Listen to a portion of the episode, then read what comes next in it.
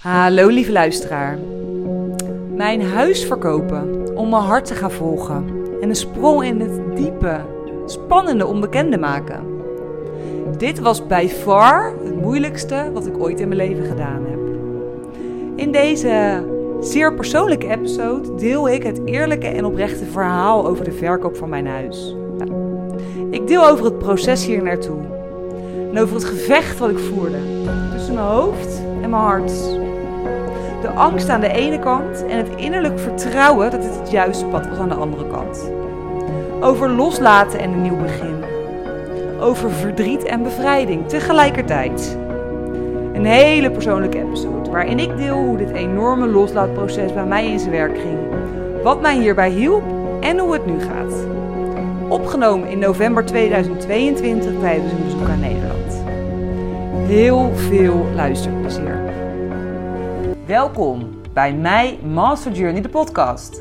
Mijn naam is Masha en ik heb vorig jaar besloten het roer radicaal om te gooien en het leven te gaan leiden wat ik echt wil leven. Ik heb mijn baan opgezegd, mijn huis verkocht en reis nu onder andere de wereld over. Deze podcast is voor jou als je ook klaar bent met dat wat hoort, je gevangen voelt in een gouden kooi waarin je continu dezelfde rondjes vliegt, regelmatig het is dit het nou gevoel ervaart en op zoek bent naar een flinke dosis inspiratie en motivatie om je hart te gaan volgen, je dromen na te gaan jagen en jouw fucking allermooiste leven te gaan leiden. Ja, super leuk dat je weer luistert naar deze hele persoonlijke aflevering. Over, zoals je al had kunnen horen in de intro, de verkoop van mijn huis. Want zoals je misschien ook al op Instagram hebt gezien, heb ik in 2021 besloten mijn huis te verkopen. Het besluit was in 2021 genomen, november 2021. De daadwerkelijke verkoop van mijn huis was in 2022. Nou, ik vertel hier straks nog veel meer over, maar misschien is het goed om vast de data te begrijpen uh, voor even de tijdlijn. Uh, en ik heb het dus gedaan om mijn hart te volgen. Dat betekent dat ik nu uh, de wereld over reis, plaatsonafhankelijk werk. Ja, je kan in mijn intro uh, hier meer over horen en in mijn andere afleveringen. Maar ik heb hier dus wel een offer voor moeten brengen. En dat is onder andere de verkoop van mijn huis geweest. Nou, omdat daar toch best wel. Ja, het is niet iets wat heel veel mensen doen. En het was zeker ook geen makkelijk besluit. En ook geen makkelijk proces. Dacht ik, misschien is het nuttig om daar eens een podcast over op te nemen. Voor andere mensen die misschien met het idee lopen om een huis te verkopen. Of om een kijkje te geven in hoe dat dan in zijn werk gaat. En uh, nou ja, voor enig andere reden waarom je misschien dingen los kan laten. Of hoe het werkt om ja, dit soort grote beslissingen te nemen. Waar het allemaal van invloed op is. Maar ook wat er gebeurt als je dit dus doet. Nou, ik heb mijn huis gekocht in 2014. Het was mijn allereerste koophuis. Ik weet het nog heel goed. Ik woonde lange tijd in Hellevoetsluis. Was daar klaar op een gegeven moment. Ik was 28, denk ik. En uh, ja, ik was 28. En ik wilde naar Rotterdam. Dat leek me heel leuk. En het was toen de tijd, was het, uh, de huizenmarkt was slecht. Als in, er waren heel veel huizen te koop en de prijzen waren heel laag. Dus het was geluk. Heel veel huizen bezichtigen. Uiteindelijk werd ik verliefd op een huis midden in de stad. Op de Goudse Singel. Herman Robberstraat. Helemaal fantastisch. Nou, dat huis kon je toen de tijd nog kopen met meerdere bezichtigingen. En ik heb het uiteindelijk gekocht vanaf Ibiza met biedingen. 10% onder de vraagprijs. Je kan het je nu niet meer voorstellen. Toen was dat de realiteit. Dus ik heb geluk gehad met het moment waarop ik mijn huis kocht. En ook weer het moment waarop ik het kon verkopen, uiteraard. En uh, nou, ik heb daar jarenlang met heel veel plezier gewoond. Ik heb daar samen gewoond met mijn ex. Zijn zoontje was uh, uh, om het weekend bij ons. Of nou ja, de dagen dat hij bij hem was, was hij bij ons. Want mijn ex woonde ook bij mij. En ik was heel gelukkig in mijn huis. Het stond op de perfecte plek. Ik, ik, woonde heel centraal. Het was wel druk. Op het einde vond ik het wel vaak druk. Maar het was qua locatie top. Ik kon overal heen lopen. Ik had altijd keuze. Het was super. Nou, jaren geleden ontstond de coronacrisis en toen is het eigenlijk begonnen met filosoferen. Ik werd steeds meer bewust van het gevoel van is dit het nou? het gevoel van, leid ik nu echt het leven wat ik wil? Ik was nog helemaal niet ver genoeg om mijn huis te verkopen. Ik weet wel dat ik het er toen al met een vriend van mij over had. Van, goh, hè, we zouden toch ons huis kunnen verkopen. Dan hebben we zoveel overwaarde. Dat was dus in de coronatijd. Dan hebben we zoveel overwaarde. En is dit nu echt het leven wat we nog willen? Met die feestjes en ja, drukte en rennen en vliegen en werk. Wat eigenlijk niet echt betekenisvol is voor mij. Geen baan vanuit mijn hart. Toen hebben we daar best wel over gesproken, over gefilosofeerd. Van maar wat als we dat toch zouden durven. Maar het was voor mij nog een onmogelijke zaak. Maar goed, het, zaadje is toen wel geplant. Hè. Op dat moment was het voor mij nog een ver van mijn bedshow dat ik dat zou durven en zou kunnen. Want ik had allerlei redenen waarom ik dat vooral niet kon. Maar ik was, wel, ik was er wel gefascineerd door. Ik vond het wel interessant als mensen om me heen dat deden. Als een vriendin van mij maakte het besluit om het wel te doen. Ah, vond ik wel heel dapper. En kon ik wel echt een soort van... Uh, met heel veel respect naar kijken. Van wauw, dat je dat kan. Nou, eigenlijk door die coronatijd ben ik heel veel gaan doen aan zelfontwikkeling. Dus ik ben heel dicht bij mezelf gekomen. En doordat ik steeds dichter bij mezelf kwam, werd dat verlangen naar vrijheid en naar mijn, ja, mijn zielsverlangen werd steeds bewuster. Dus het, leven wat ik leidde werd steeds meer een verschil met het leven wat ik eigenlijk wilde. Want hoe meer je uiteindelijk natuurlijk jezelf leert kennen en ontdekt wie jij bent, ontdek je ook waar je goed in bent, wat je leuk vindt, wat je energie geeft, wat je energie kost. Ik kwam er steeds sterker achter dat het leven wat ik leidde mij heel veel energie kostte en weinig energie meer gaf. Nou, toen ben ik dus vorig jaar meerdere keren naar Ibiza gegaan. Daar is een aparte podcastaflevering over. Maar daarin werd dat nog steeds meer vergroot. Dus dat verlangen, die wens, die droom, dat, dat zielspad, noem ik het ook wel. Het pad voor wat blijkbaar mijn pad is, want zo voelt het heel sterk. Werd steeds duidelijker. En uh, daarin werd ook steeds meer zichtbaar dat het leven wat ik leidde niet meer het leven was wat ik wilde. En uiteindelijk werd daar, was, zag ik de oplossing voor het leven wat ik wilde, de verkoop van mijn huis. Dat werd op een gegeven moment zichtbaar van als ik naar mijn huis verkoop, dan geeft dat direct mogelijkheid om dat leven te leiden. Ik was inmiddels wel al bezig met wat alternatieven om. Uh, uh, en een deel van dat verlangen was een langere tijd naar Ibiza gaan. Dus om daar een platform neer te zetten. En Digital Nomad, Facebook groepen waar ik in zat. Dus er waren wel verschillende paarden waar ik op aan het wedden was. Um, totdat ik ontdekte dat ik mijn huis kon verkopen. En ik weet nog dat ik het besluit uh, november 2021 maakte. Uh, dat werd me ineens glashelder op een retreat. Hier is ook een uh, aparte aflevering over. de Ibiza-aflevering vertel ik meer over hoe ik dat dan ontdekte. En ik weet nog dat ik na dat retreat thuis kwam en een vriendin van mij aan de telefoon had. En vertelde over mijn plan. En uh, waar ik aan de ene kant super excited over was. Maar wat ik tegelijkertijd ook zo moeilijk vond. Uh, omdat ik zo gek was op mijn huis. Uh, en vooral wanneer ik daar was, dat ook heel sterk voelde. En ik weet nog heel goed dat zij toen tegen mij zei van...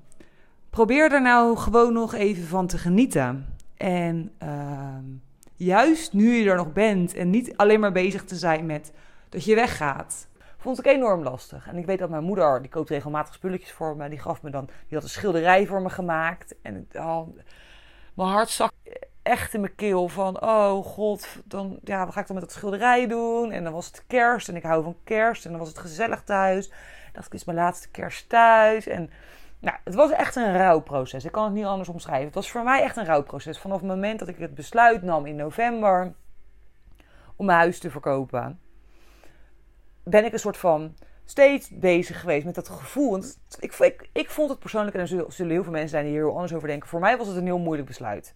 Ik vond het loslaten gewoon moeilijk. Ik ben daar ook niet altijd even goed in, in loslaten. En ja, ik vond het huis natuurlijk in basis gewoon een hartstikke chill huis. Maar ik voelde dat ik het los moest laten om meer dan alleen de, de, reis naar Ibiza. Ik voelde dat ik los moest komen aan een oud stuk leven. En ik voelde dat mijn huis mij heel erg vasthield in een leven wat helemaal niet meer zo bij me paste. Het was niet alleen het verlangen en de droom. Het was ook het besef dat, ja, dat ik uit mijn omgeving moest en dat ik, dat, dat ik weg moest gaan. En dat de verkoop van mijn huis daarin echt een ruimte zou geven, energetische ruimte. Nou, november dat besluit genomen. Toen in december uh, makelaars laten komen. En uh, het werd toen ook duidelijk dat ik mijn huis ook zou kunnen verhuren. En een stukje van mijn overwaarde zou kunnen opnemen. Dus dat was toen mijn eerste doel. Dan ga ik dat doen. En dan heb ik even geld om in ieder geval van te leven en van te reizen. En een business van te bouwen. Een goede business coach te nemen. En nou, dat was dus het eerste idee van ik ga verhuren. Nou, geregeld met de bank, overwaarde opgenomen. En, uh, maar dat verhuren, dat mag officieel niet als je, van je hypotheekverstrekker. Nou zijn er heel veel mensen die dat gewoon doen, want in principe komen ze er nooit achter. Nee, dat klopt. Maar voor mij voelde dat eigenlijk al heel snel niet goed. Ik denk, ja, ik doe iets wat niet mag. Puur en alleen maar uit zekerheid. Diep van binnen heeft het nooit goed gevoeld. Diep van binnen heb ik altijd geweten, ik ga het verkopen op een dag. Maar ik moest nog een paar maanden in Nederland zijn ook. Ik deed nog een NLP-cursus tot en met juli. Dus voor mij was het sowieso fijn om tot en met juli dat huis aan te houden. Dat ik in ieder geval gewoon die, die keren dat ik in Nederland moest zijn in mijn eigen huis kon slapen. In maart ben ik dus weggegaan en eigenlijk in april wist ik al, ik moet mijn huis verkopen. Maar ik bleef het moeilijk vinden. Want ja, het is, je laat iets mega los voor iets waarvan je helemaal niet precies weet hoe het gaat zijn. Het is, het, is puur gebaseerd, was bij mij puur gebaseerd op een soort helder weten. Een vertrouwen, een, een stem die tegen mij zei, een stem in mezelf, hogere zelf, nou noem het je ziel, noem het hoe je het wil zeggen. Wat zei, verkoop het maar. Maar rationeel kon ik het ook niet begrijpen. Maar, maar alles in mijn hart schreeuwde, verkoop het, het komt goed. Ga je eigen pad volgen. Het komt goed. Maar het is rationeel niet te begrijpen. Want ja, ik, ik, ik bedoel, als je mensen investeren in huizen en nou, daar verdien je dan geld aan en dat is slim en dat is allerlei redenen waarom je het natuurlijk niet moet verkopen.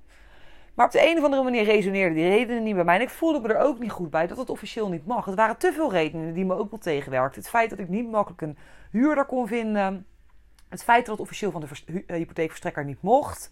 Nou, ik vond dat serieus een, een, een risico. Ten meer omdat het huis van mijn overbuurman een paar jaar terug was afgefikt. Ik denk, het zal me gebeuren dat ik ergens in Timbuktu zit. Dat mijn huis in de fik vliegt en dat ik het niet verzekerd krijg. Omdat ik het heb onderverhuurd, wat officieel niet mag van de hypotheekverstrekker. En ja, dat, dat ik het gevoel had dat ik ook niet meer terug wilde naar het huis. En dat er zoveel starters op zoek zijn naar een huis. En dan hou ik een huis bezet. Dan word ik een soort huisjesmelker. Die geld gaat verdienen aan andere mensen. Omdat ik eigenlijk een stukje zekerheid wil. Terwijl ik daar eigenlijk helemaal niet meer wil wonen. Dus het waren, dit waren de drie redenen wat voor mij ook gewoon niet goed voelde. Het voelde niet zuiver om het aan te houden. Dus in mei het besluit genomen. Ik weet nog heel goed, het was op een gegeven moment een soort van schreeuw van, van van mijn ziel, van mijn hart, van je moet het verkopen. Ik, zag, ik hoorde ook ineens iedereen praten over die rente die steeg. En ik dacht, oh nee, waar ben ik nou op aan het wachten? Ik weet toch al dat ik het ga verkopen. Wat zit ik nou eigenlijk te doen? Dus nou, besloten om uh, de makelaar gebeld. En ik weet nog heel goed, ik las het van de week terug in mijn journal. Dat ik het besluit had genomen om het te verkopen. Dat ik die makelaar belde. En dat zij zei, wil je mij een appje sturen? Dus ze zegt, nou ja, zeg het maar. Moet ik het wel of niet verkopen? Ik zeg, ik krijg het gewoon niet uit mijn mond. Ze zegt, wil je me dan een appje sturen? Ik zeg, ja, dat doe ik. Ik denk dat ik dat makkelijker vind. Ik krijg het, krijg gewoon mijn mond niet uit. En ik stuur haar het appje. Bij deze bevestig ik de verkoop via jou. Ik had wel meerdere makelaars gehad, maar bij haar had ik het beste gevoel. En ik stuur het en er viel een last van mijn schouders. Ik voelde zo'n blij gevoel in mijn buik. Ik weet, mijn hart maakte letterlijk een sprongetje. En uh, ja, het voelde bevrijd. Bevrijdend. Oh, ik zal niet vergeten. Het was een hele regenachtige dag. En uh, ik had het besluit genomen. En ik had ook overal zin in. Ik heb gelijk Digital Nomad uh, Summit had ik gevolgd eerder dit jaar. Teruggekeken. En weer verdiept in hoe zit het ook weer met bitcoin en investeren. En ja, wat kan ik allemaal doen? Ik heb een heel lijstje gemaakt met wat voor kansen en mogelijkheden ik nu had. Nu ik het besluit had genomen om mijn huis te verkopen. Dus het was een mega opluchting. Het was een mega opluchting dat ik het besluit had genomen. Desalniettemin was het moment dat we dus echt de stappen gingen nemen. Dus dat ik naar Nederland ging. Ik ging een paar dagen later naar Nederland. Dan zou dan de fotograaf komen. En nou, dat vond ik heel moeilijk. En dan wordt het ineens natuurlijk heel echt. En als je bij pizza zit en je gaat verkopen, is veel makkelijker, vond ik, dan dat ik weer thuis kwam. Op het moment dat ik mijn voordeur binnenstapte, was het weer gewoon bij huis. Waar ik me gewoon super relaxed voelde. De eerste nacht dat ik er sliep, ik de volgende ochtend wakker, dankbaar dat ik weer thuis was. thuis zijn, mijn eigen spullen, de ruimte, mijn eigen plekje gewoon. Nou, dat maakte het heel moeilijk om dus verder te gaan met dat traject. Maar ik wist dat het mijn pad was. Ik wist waarvoor ik het deed. Ik had het lijstje met dingen wat er allemaal mogelijk werd op het moment dat ik het ging verkopen. Betekent niet dat ik het makkelijk vond. Het was een continu strijd tussen mijn hoofd, die zei, en de veiligheid, de comfortzone, die het heerlijk vond thuis. En mijn hart en mijn, mijn, verlangens en mijn ziel, die zei van, ja, maar het, vertrouwen van, ja, maar het komt helemaal goed. Dit is jouw pad. Je mag het loslaten. Nou, de fotograaf kwam. Ik weet nog dat ik dat heel lastig vond. Dat zij helemaal bepaalde hoe dat mijn huis er dan uitzag. Maar prachtige foto's geworden. En uh, ja, een week later ben ik weer teruggegaan naar Ibiza. En ik zou dan volgens mij weer een week later terugkomen om mijn huis dan leeg te gaan halen. Het ging heel snel. En in die week kwamen er dus allemaal bezichtigingen, mensen die kwamen kijken. Nou, er was gelukkig heel veel, of nou ja, heel veel. Vier mensen die een bod hadden uitgebracht. Dat was toen, die huizenmarkt was echt aan het veranderen. Dus ik had echt nog geluk. Dus het was toen de tijd toch goed. Nou, goede prijs, goede biedingen gehad. En dan wordt het verkocht. En uh, nou, daar was ik natuurlijk wel heel blij mee. Ik was heel blij dat het verkocht was. Omdat ik gewoon het gevoel had dat het 100% de juiste keuze was. Uh, maar het neemt ook heel veel natuurlijk spanning met zich mee en onbegrip van je omgeving. Niet iedereen begrijpt waarom je dit doet. En je weet ook helemaal niet precies, ik wist helemaal niet precies wat mijn plan was. Maar ik wist wel, ik had een helder weten dat het het goede pad was. Dus ik ben toen twee maanden in Nederland geweest om mijn huis leeg te halen. En ja, wat ga je dan doen met je meubels? Hè? Hou je dat dan? Doe je dat weg? Nou, in het begin wilde ik nog een garagebox huren. Dacht ik nog van ja, maar ja, ik had net een nieuwe bank, één jaar oud, super mooie bank, 2300 euro. Denk, ja, dan gooi ik hem op marktplaats, dan krijg ik er misschien 300, 400 euro voor. Maar ja, uiteindelijk, hoe, hoe, meer je loslaat, hoe meer je ook denkt, ja, wat moet ik nou met een bank? Dat past niet in mijn camper. Ik heb geen huis. Wanneer zie ik mezelf überhaupt terug naar Nederland komen? Als ik al terugkom. En past die bank dan wel in dat huis? Ik bedoel, het was een grote bank, is ook maar de vraag ja, het kost me weer elke maand geld. Ik zet me weer vast aan iets. Dus nou ja, uiteindelijk lesminute besloten om alles te verkopen behalve mijn bed. Dus die staat nu bij mijn moeder. Nou ja, en mijn persoonlijke spulletje. En de rest allemaal te verkopen via Marktplaats. En er andere mensen blij mee te maken. En het mooie is dan wel dat ik die bank verkocht voor ik geloof 500 euro. Nou, nog een redelijke prijs. Maar goed, ik had dus dan uh, toch nog wel veel verlies in een jaar tijd. Maar die vrouw had gewoon een zoekopdracht staan op specifiek deze bank. Ze was gewoon verliefd op deze bank, maar ze had zelf het budget niet. Nou, dat gaf mij dan wel weer een heel goed gevoel. Dat ik dacht, nou, hoe mooi is het dat iemand zo blij is met mijn bank. Dat ik er iemand echt blij mee maak. In plaats dat ik het ergens opstal in een garagebox. Met de vraag of ik het überhaupt ooit nog ga gebruiken. Dus nou ja, uiteindelijk heel veel dingen verkocht. En um, 14 bakken kleding weggegooid. Kleding ja, dat ik al jaren had. Ook dingen met nog het prijskaartje eraan. Niet weggegooid overigens, maar ik heb het uiteindelijk weggegeven aan het goede doel. Aan, de, Roemenië of Polen of weet ik veel. Mijn moeder heeft daar adresjes voor. En uh, waarvan ik ook dacht, ja, ga ik dit nog dragen? Het hoort bij een oud stuk van mij. Je, ik liep vroeger altijd vaak in colbertjes en nette kleding, veel zwart. Dat wil ik helemaal niet meer. Ik word veel blijer van een beetje vrolijk en ja, wat moet ik met al die kleding? Weet je, ga ik het weer ergens opslaan? Ik draag het voorlopig toch niet, want ik ga toch voorlopig reizen. En dus heel veel weggegeven en uh, dat ruimt ook mega op. Dus als je een tip wil, je wil meer rust in je hoofd of iets, nou ruim, ruim je zooi op, gooi de helft weg. En ik heb nu nog maar een bed, een spiegel, een koffiezetapparaat, een waterkoker. Gewoon helemaal niet meer zo heel veel kleding. Ik heb wat ik echt nog nodig heb spullen. Maar ik heb echt heel veel weggegooid. Uh, dus al die weken voorafgaand aan de echte overdracht, nou, was ik eigenlijk wel oké. en ik vond het opruimen fijn. En ik had zin in mijn avontuur. Tot de laatste week. En de laatste week uh, dat ik, ik, had 9 9 de overdracht. Zo'n beetje op 1 september begon het. Ik had nog een afscheidsbarbecue met vrienden. Wat super mooi was, maar waarvan ik gewoon, voor mij heb ik het op de barbecue ook tegen sommige mensen gezegd van ja, ik denk dat ik straks nog maar 20% van de mensen echt ga spreken. Want ja, ik weet gewoon dat ik niet meer terugkom voorlopig naar Nederland. En ook niet meer terugkom in mijn oude leven. Niet omdat mijn leven niet meer goed was, maar omdat ik ja, niet meer.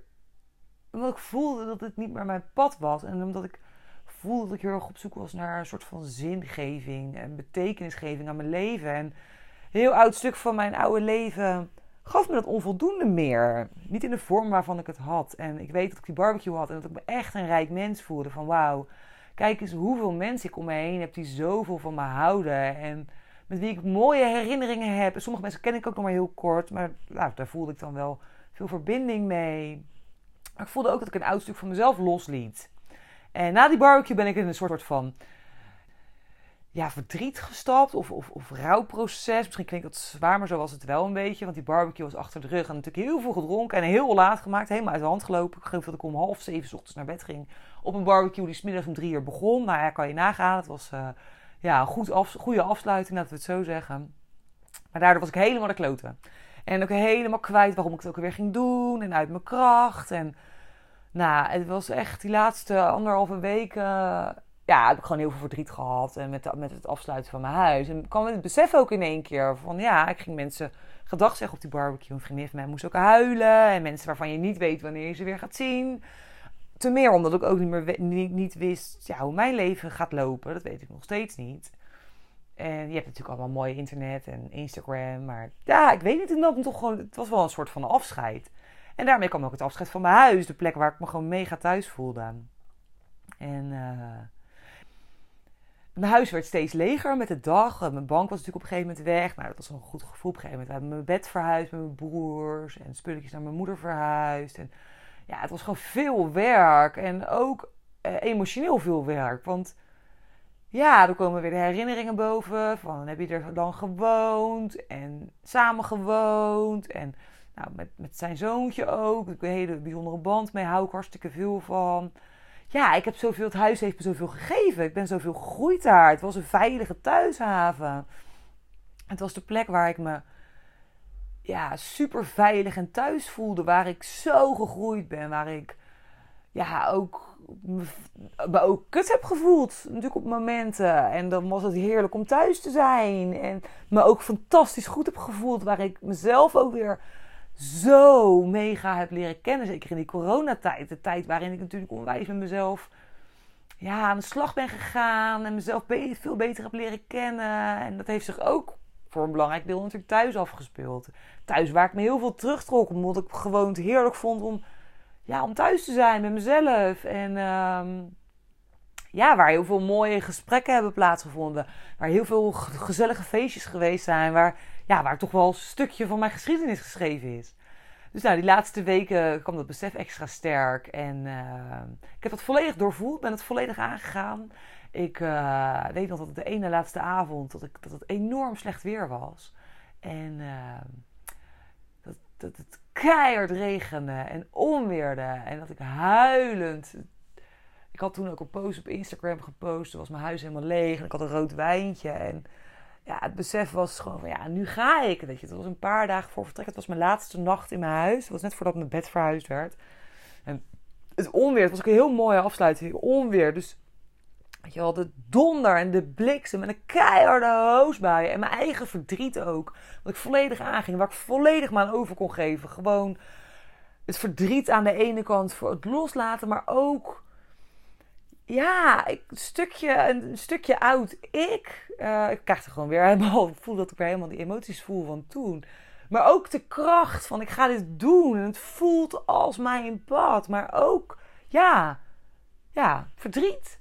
En, uh, maar verdriet is niet erg. Hè? Verdriet is ook niet zwak. Ik, ik, vond het ook gewoon heerlijk om me er helemaal aan over te geven. Om helemaal in het gevoel te stappen van ja, ja, en dan die, die, die, die, atmosfeer met al die onweer en die bliksem en die regen. En muziek. Had allemaal nummers aangezet uit mijn, uh, mijn, liked songs aan, uh, op Spotify. Dus mijn lievelingsliedjes. Nummers die voor mij hoorden bij het huis waar ik herinneringen aan had. En dan keihard meejanken. En met die rode wijn en die sigaretten toen ook nog. En nou, ik ben toen uiteindelijk in slaap gevallen. En toen voelde ik me de volgende ochtend dus wel gewoon fit en ook goed. En toen gingen we mijn bed verhuizen, mijn huis verhuizen, mijn bed en mijn spullen verhuizen. En uh, toen kwam ik daarvan thuis. Had ik eerst nog bij mijn moeder geslapen. Toen kwam ik de volgende dag thuis. En op het moment dat ik mijn huis binnenstap, het was natuurlijk leeg, er stond niks meer. Ik moest alleen nog even dweilen. En het voelde zo raar. Het voelde zoals ik het gekocht had. Het was gewoon weer leeg. En het leek wel in een split second alsof die, die acht jaar gewoon voorbij was gevlogen. En dat ik daar nu weer stond, acht jaar later, weet je wel, veel meer volwassen, Veel meer mezelf. Maar het herinnerde me ook aan het moment waarop ik het huis kocht. Waarop ik zo blij was en trots was. Mijn eerste koophuisje. En nou ja, ik heb toen alles nog gedweld. En ik wilde het ook echt fucking mooi achterlaten. Want ja, ik had zoveel liefde voor het huis. Ja, het klinkt misschien heel raar, maar ik hield heel veel van mijn huis. Ik ging niet weg omdat ik het huis niet fijn vond. En ik heb echt, het was spik en span. Ik denk dat de makelaar, hij, ze zei het ook toen ze de overdag had gedaan, uh, dat het zo netjes was. Ik denk dat ze dit niet veel gezien Het was spik en span. Het rook helemaal lekker. Ik, voor mijn gevoel wilde ik het gewoon echt goed achterlaten. Maar ja, ik kon niet stoppen met huilen. Elke keer weer werd ik geraakt door, ja, door mijn huis, door de herinneringen. En ik ben het volledig aangegaan. En ik, een gegeven moment was ik klaar en ik ging op de grond zitten. En er, was, er stond natuurlijk helemaal niks meer. En het was helemaal leeg. Het was ook helemaal schoon. Dus ik was klaar. En uh, ik zou de volgende dag de overdracht hebben uh, van mijn huis. Dus dat was dan met de makelaar. Maar ook met de, de koper. De koper had ik inmiddels al wel een paar keer gezien. Super aardige gast. Maar ik merkte dat ik daar best wel tegen opzag om hun dan in dit huis te ontvangen. Omdat ik merkte dat, ja, ik denk als ik binnenkom, ik, de tranen barsten al in mijn... Ik barst, al, ik barst al in tranen uit op het moment dat ik hier binnenstap. En als ik één seconde denk aan het afscheid, dan breek ik al. Ik vind het eigenlijk helemaal niet fijn om, om dat dan met hem te doen. Want hij is heel blij en dat snap ik. Maar voor mij voelt het heel moeilijk ook. Hoewel ik hem het huis natuurlijk van harte gun. Dus heb ik de makelaar gebeld en gevraagd of ik de volmacht. Hè, want anders teken je ook bij de notaris. Dat zou dan ook het officiële moment zou ik dan ook samen met die nieuwe koper doen. Of dat toch via volmacht kon en volmacht kon. En dus dan tekende ik alvast zonder de koper eh, bij de notaris. En dan uh, doet de makelaar voor mij de overdracht van de sleutel. Nou, dat kon gelukkig, dus daar was ik heel blij mee. Wordt heel vaak gedaan ook. Voor mij was het van tevoren puur zoiets dat ik dacht, ik wil het hele proces meemaken met hem. Maar ik dacht, nee, ik, ik heb met hem verder niks te maken. Ik moet mijn eigen proces doen. En voor mij voelt het beter om het op mijn eigen manier te doen. Om op mijn eigen manier ook afscheid te nemen van het huis.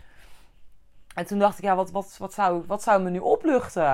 En toen dacht ik, ik ga een brief schrijven aan mijn huis. En uh, nou, misschien klinkt dat raar voor sommige mensen, maar ja, ik voelde ook gewoon zoveel dankbaarheid voor het huis. Voor alles wat het voor me gedaan had. Het is een van de meest basale levensbehoeften van de mensen, is je huis. En ja, ik was super dol op mijn huis. En ik voelde dat ik het af wilde sluiten. Maar ik had moeite met het loslaten. Dus ik heb toen een brief geschreven aan mijn huis. En uh, ja, een brief om mijn huis te bedanken. Ik voelde zoveel dankbaarheid voor alle herinneringen. Voor alles wat ik daar heb mogen leren.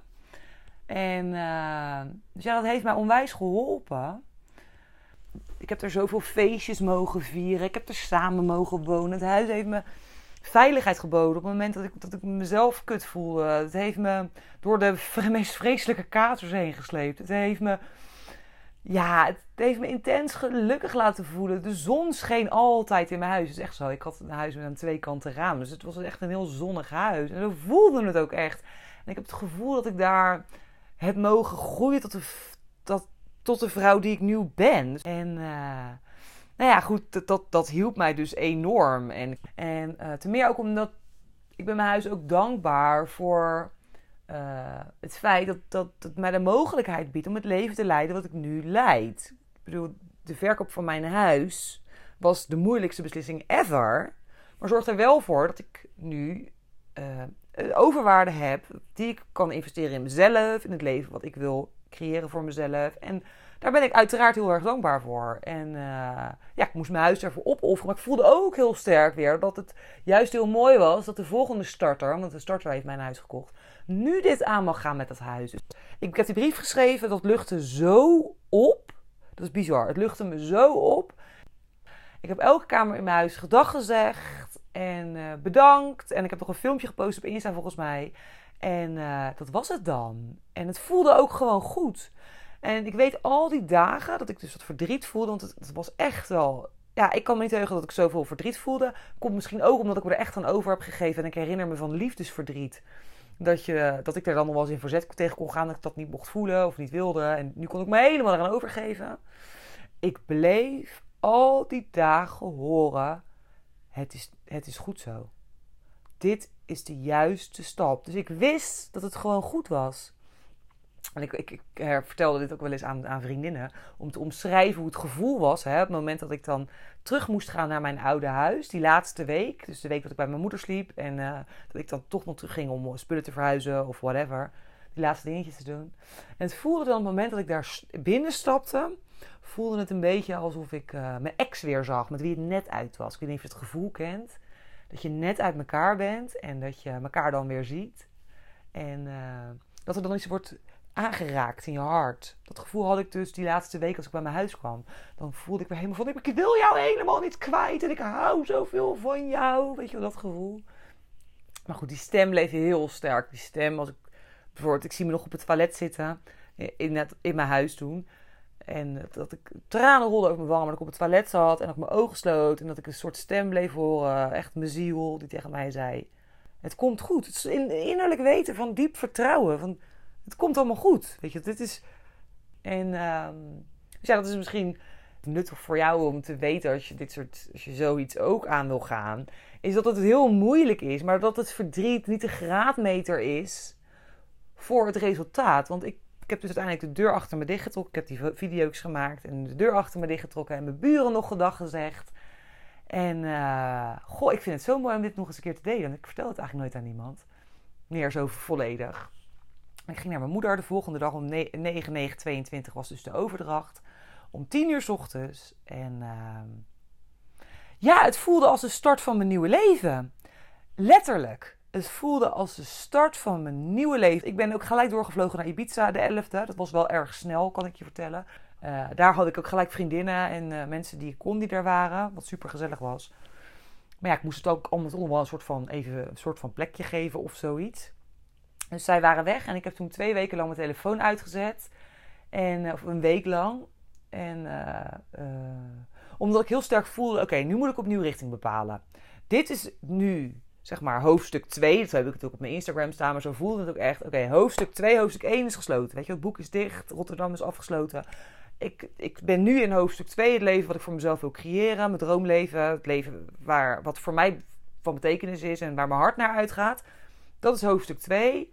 Oké, maar wie wil ik zijn in dit hoofdstuk? Waar, uh, wat wil ik nog? Waar, wat doe ik? Op welke plekken begeef ik me? Hoe kan ik van waarde zijn voor de wereld? Wat zijn de volgende stappen die ik ga zetten? Even kijken, ik zal het even oplezen, want ik heb een heel lijstje gemaakt met dingen die ik toen opgeschreven ben. Uh, ja, wie wil ik zijn? Wie ben ik in dit hoofdstuk? Um, hoe ga ik met mezelf om, met mijn lichaam, met mijn gezondheid? Wat vind ik belangrijk? Wat voor werk doe ik? Hoe kan ik betekenisvol zijn voor de wereld? Welke energie wil ik uitstralen? Welke kernwaarden passen bij degene die ik in dit, hoofdstuk wil zijn? Wat is belangrijk? Hoe verdien ik mijn geld? Um, waar ben ik wel en niet meer beschikbaar voor in dit hoofdstuk? En uh, ik heb dat dus in een week heb ik dat helemaal voor mezelf uitgewerkt en helemaal doorvoeld ook. En, uh, en voor mij is het heel erg helpend geweest om echt opnieuw richting te bepalen. Van oké, wat ga ik nu verder doen? Ik heb geen huis meer. Maar ik heb natuurlijk, ja, de wereld ligt aan mijn voeten. En ik wil dat wel bewust doen. Ik ben ook gestopt met drinken vanaf 16 september nog steeds overigens. Omdat ik het gevoel heb dat dat me op dit moment in mijn leven echt even helpt. Om gewoon bewust te zijn en mijn aandacht en focus erbij te houden bij de dingen die voor mij van belang zijn. En uh, nou, ik vond het heerlijk die week. Er was letterlijk, dus de bevrijding die ik voelde op het moment dat ik het besluit nam, die bevrijding voelde ik ook weer op het moment dat ik uh, uh, dit deed. Dus dat ik me helemaal afsloot van de buitenwereld. Ik ben even kwijt. Een vriendin van mij op de camping heeft toen dat nummer voor me gespeeld met haar gitaar. Want zo voelde ik. Ik wilde gewoon echt even kwijt zijn. Even niet bezig zijn met mijn oude leven, maar volledig focus op de toekomst. Wat wil ik? Oh, ik krijg er helemaal energie van als ik aan terugdenk. En toen, uh, nou, vlak daarna heb ik dan besloten om naar Thailand te gaan. En ja, het heeft alles waar ik al mee bezig was, gewoon in de stroom, stroom, uh, hoe zeg je dat? Stroomsnel, nee, sneltreinvaart, sorry, in een sneltreinvaart gezet. De deuren gingen open. Uh, ik had weer ruimte om dus met mijn podcast verder te gaan, waar ik in mei al mee begonnen was. Ik had overal weer ruimte en, zin in. En ja, dat was heerlijk. Ja, dus het typische is dus, als ik het zo vertel, van de moeilijkheid. Dus, hè, jaren geleden is het zaadje geplant om mijn huis te verkopen. November is het echt het besef gekomen van ja, maar dit is wel mijn pad. Dit is wat ik, ga, dat, wat ik wil. toen ben ik weer even daarvan afgestapt, omdat ik toch in mijn, in mijn veilige zone bleef zitten. Ik vond het toch nog te spannend. Dat is blijven knagen en blijven. Ehm, ja, knagen is denk ik het goede woord. Om vervolgens in maart of in mei pas het besluit te kunnen nemen van oké, ik ga het echt doen. Maar nog steeds met een heel grote angst en een heel spannend gevoel. En uh, wat eigenlijk bij vlagen wegging, want ik bleef gewoon het vertrouwen hebben om, um, dat, het, dat het mijn pad was. Maar wat eigenlijk pas helemaal wegging op het moment dat ik mijn huis losliet. Op het moment dat ik de deur dichtgetrokken had, heb ik er nooit meer aan gedacht. Dus dat is dan wel weer bijzonder dat het dan uit je realiteit is en dat het dan eigenlijk niet meer bestaat als probleem. Ik heb nooit een seconde spijt gehad. Dus dat is goed om te weten voor jou. Ik heb nog nooit een seconde, geen seconde, geen milliseconde spijt gehad van de verkoop van mijn huis. Het heeft mij gigantisch veel opgeleverd. Ik zie het ook niet als een verlies. Ik geloof er namelijk heilig in dat op het moment dat ik terug wil gaan naar Nederland, dat ik gewoon weer een huis heb. Uh, twee vriendinnen van mij, twee meiden die ik ken, hebben ook een huis verkocht. Die wonen nu ook weer in Rotterdam samen. Mensen gaan uit elkaar, hè? Dus hoeveel mensen gaan er wel niet uit elkaar? En die moeten ook ineens een huis hebben. Die vinden ook gewoon weer een huis. Is het super goedkoop? Nee. Zal ik gelijk binnen één dag een huis hebben? Misschien ook niet. Zal ik concessies moeten doen? Ongetwijfeld. Maar dat is voor mij geen reden om mijn hart niet te volgen. En dat heb ik al die tijd, heb ik dit dus heel erg bewust in mijn hoofd gehad. Van, ik geloof er heilig in. Dat ik altijd terug kan gaan naar Nederland. Ik heb ook een kamer bij mijn moeder. Dat is uh, uh, heerlijk. Als ik hier een keer twee maanden zou moeten blijven, omdat ik weer in Nederland wil wonen en ik heb geen huis gelijk. Heerlijk, perfect, super gezellig, geen probleem.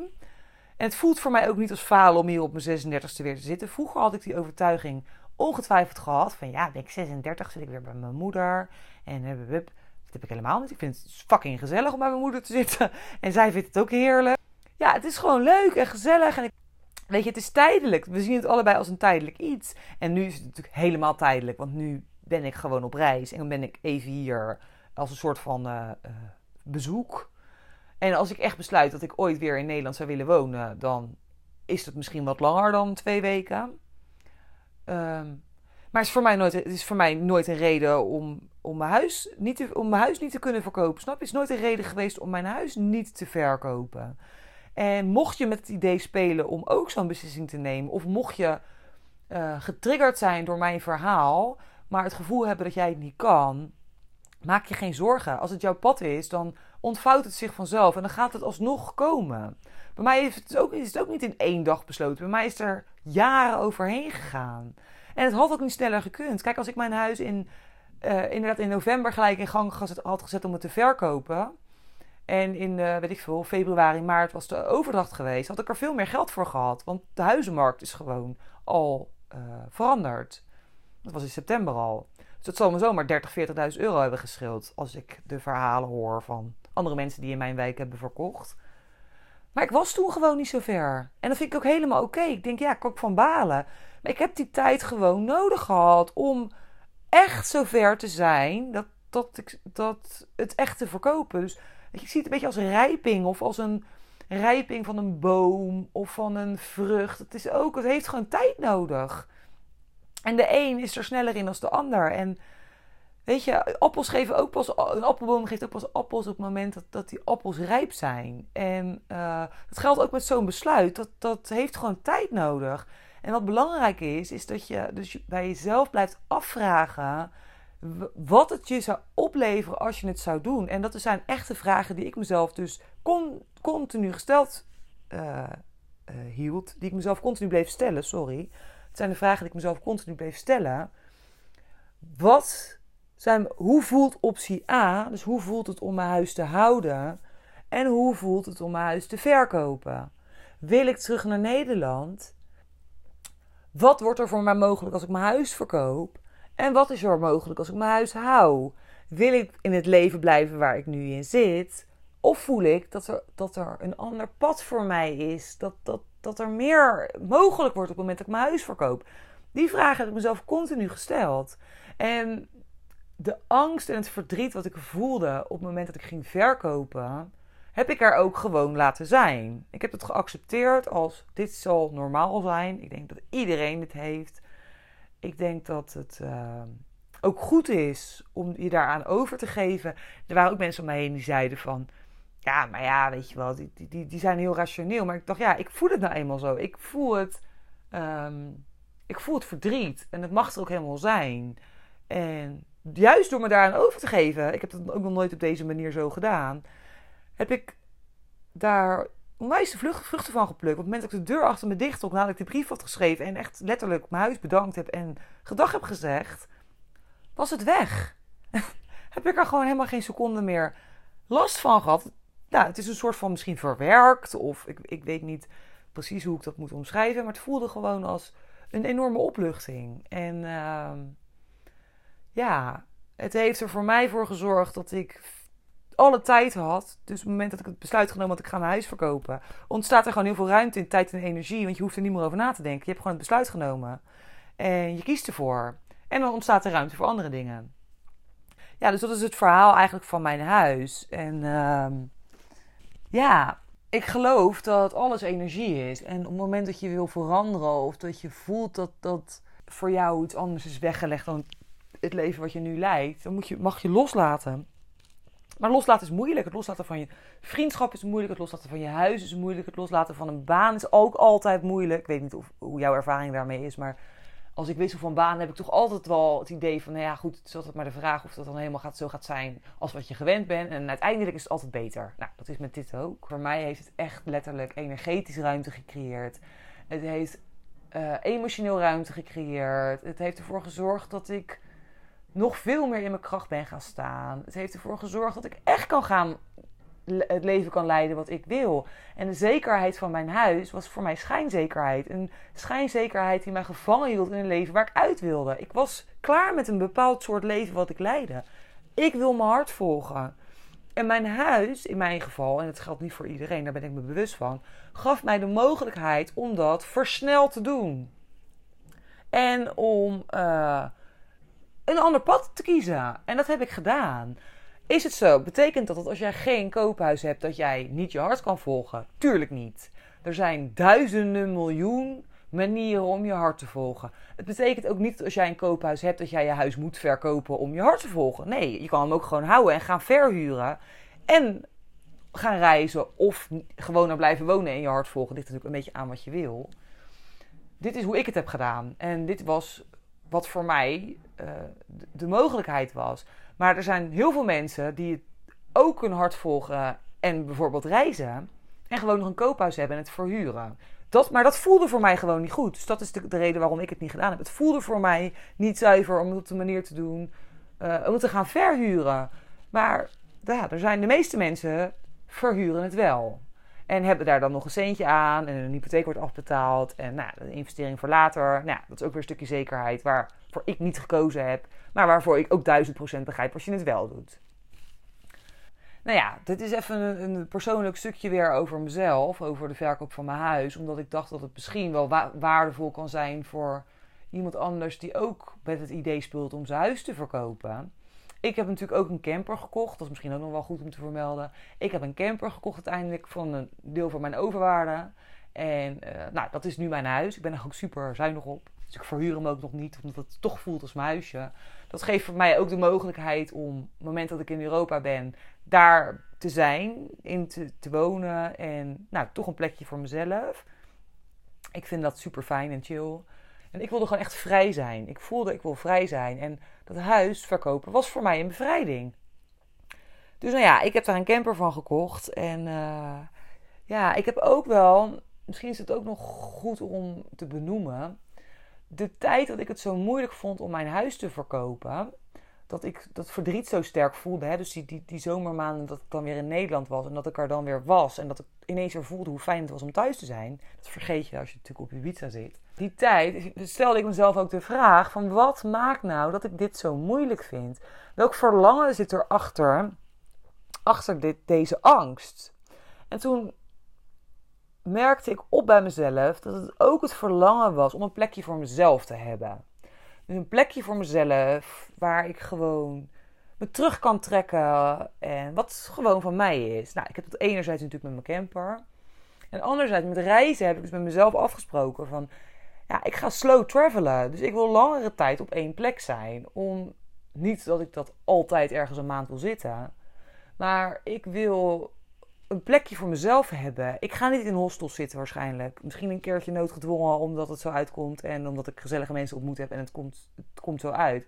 Maar in basis wil ik een plek hebben waar ik tot rust kan komen. En ik kom tot rust als ik alleen ben met mezelf.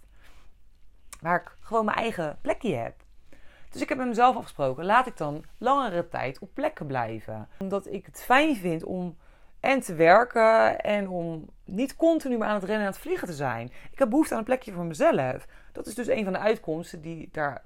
Een van de, dat zijn een van de verlangens die achter mijn angst en verdriet zat. Dus dat is ook iets wat je bij jezelf kan afvragen op het moment dat je met deze vraag zit. Of met deze kwestie van wil ik wel of niet mijn huis verkopen of wil ik wel of niet iets anders loslaten wat ik nu nog heb. Wat maakt dat je het zo moeilijk vindt? Wat zit erachter, die angst? Wat zit erachter? Waar verlang je naar? Wat is hetgene wat dat stukje jou nu nog geeft, wat je straks kwijt bent, maar wat je wel heel prettig vindt? En hoe kan je dat op een andere manier aan jezelf geven? Hoe kan je ervoor zorgen dat je dat verlangen wel vervult? Maar op een manier die meer past bij het leven wat je voor jezelf wil creëren. Dus nou ja, het is uiteindelijk nog een heel lang verhaal geworden, zie ik. ik ga hem afkappen. Uh, dankjewel voor het luisteren. Ik hoop dat je hier wat aan hebt gehad. En uh, ongetwijfeld ben ik weer dingen vergeten. Want ik, ik bereid, heb deze podcast ook niet voorbereid. Maar doe dat nu zo uit mijn hoofd. Uh, stuur me een DM als je, als je hier ook mee zit. Of als je hier meer over wil weten. Of ja, als er nog een aanvullende podcast is die ik hierover kan maken. Want ja, ik snap dat het echt heel erg moeilijk is om je huis te verkopen. Of om iets anders los te laten. Ik snap het volledig. En dit was voor mij gewoon nogmaals het allermoeilijkste dat ik ooit in mijn leven heb gedaan. Dus nou ja, ik hoop dat ik je hiermee heb kunnen inspireren. En misschien je op een of andere manier anders heb kunnen laten denken. Of inzicht heb kunnen geven. En mocht er wat zijn, stuur me een DM. En ik hoor je heel graag bij de volgende afleveringen weer. Later! Yes, dit was hem dan weer voor vandaag. Super leuk dat je luisterde. Wist jij dat je je kan abonneren op deze podcast via de Spotify of Apple Podcast app. Wanneer je dat doet, krijg je automatisch een melding wanneer ik een nieuwe aflevering publiceer. En zie je alle afleveringen overzichtelijk onder elkaar weergegeven. Super handig. Verder kun je in deze app een review achterlaten met bijvoorbeeld 5 sterren. Dit helpt mij om meer mensen te bereiken met mijn podcast. Mocht jij nog mensen in je omgeving kennen voor wie deze podcast van waarde kan zijn, Stuur deze dan gerust aan hen door. Of verwijs naar mijn Instagram pagina mij.master.journey. Dankjewel voor het luisteren en ik hoor jou heel graag weer bij de volgende aflevering van Mijn Master Journey de podcast. Later!